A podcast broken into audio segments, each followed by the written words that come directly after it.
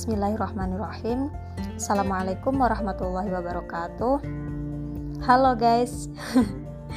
Rasanya udah lama sekali ya nggak nengok laman ini. Maaf ya Kemarin-kemarin masih kacau fokusnya. Klise aja sebenarnya. Podcast kali ini Aku kasih judul Rasa yang tak didukung semesta. Asik anak indie banget ya bung. Dan ini aku dedikasikan buat buat semesta.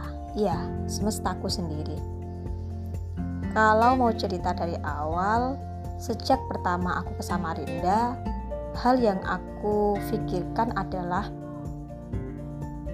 apa teman-temanku bisa nerima dan ngerti aku yang hmm, nggak mm, jelas ini ditambah lagi amanah kerjaan yang dari dulu banget. Waktu sekolah aku kalau suruh milih jadi ketua kelas atau jadi bendahara aku lebih memilih untuk jadi ketua kelas. Dan ada yang pernah bilang kalau apa-apa yang dihindari itu malah yang biasanya mendekat. Yaps, it works to me. Dari situ,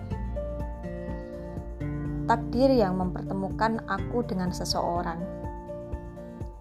Seorang laki-laki yang gak sengaja ketemu malam itu di kantor. Lalu lanjut bareng-bareng makan di sebuah kafe dekat kantor. Dari pertemuan itu, ada hal yang berbeda pada dirinya yang tak biasa aku lihat dari berjuta-juta manusia yang pernah aku temui. Hmm, karena aku butuh untuk belajar sama dia, dan kami semakin dekat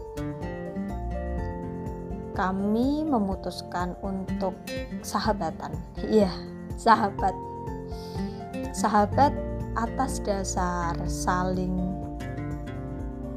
rasa dan jadi berharap. Waktu berjalan tanpa ada hambatan awalnya, dan aku pikir kita akan seperti ini hingga ujung jalan. Namun, Ternyata di depan kerikil mulai muncul. Aku masih anggap sepele kalau cuma kerikil mah. Asalkan bukan jalan buntu aja. Sepertinya nyaliku terlalu besar untuk tetap maju. Tetapi ternyata tidak dengan kamu. Entahlah. Kalau aku boleh nilai, sepertinya hanya tentang waktu yang tidak tepat, hanya tentang semesta yang tidak mendukung, dan keadaan yang menjadikan sebaiknya kami menyerah. Maaf kalau aku menyalahkan itu semua, karena bagiku rasa tidak salah, rasa tidak pernah salah antara seorang laki-laki dan perempuan. Kenapa begitu? Ya, karena kita hanya insan ilahi yang diciptakan dengan naluri. Darimu, aku belajar banyak hal dan dari rasaku itu aku jadi bisa mengungkapkan banyak hal pula yang selama ini belum pernah aku ungkapkan ke lawan jenis. Aku tidak menyesal, sama sekali tidak menyesal Aku mengakui adanya kisah ini dalam cerita singkat hidupku.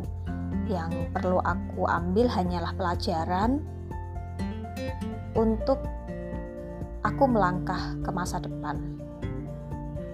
Dan kalau sebagian orang gak percaya dengan jatuh cinta pada pandangan pertama, aku termasuk yang percaya, sebab Teori dari mata turun ke hati adalah cara perasaanku bekerja. Dari kisah ini, aku ingin mengucapkan banyak-banyak syukur dan Terima kasih untuk rasa yang kini telah menjadi luka. Sekarang waktunya mengharap banyak-banyak cintanya Tuhan yang tak pernah berhenti. Selamat menyembuhkan luka diriku. I'll take myself again. I love me more. Terima kasih.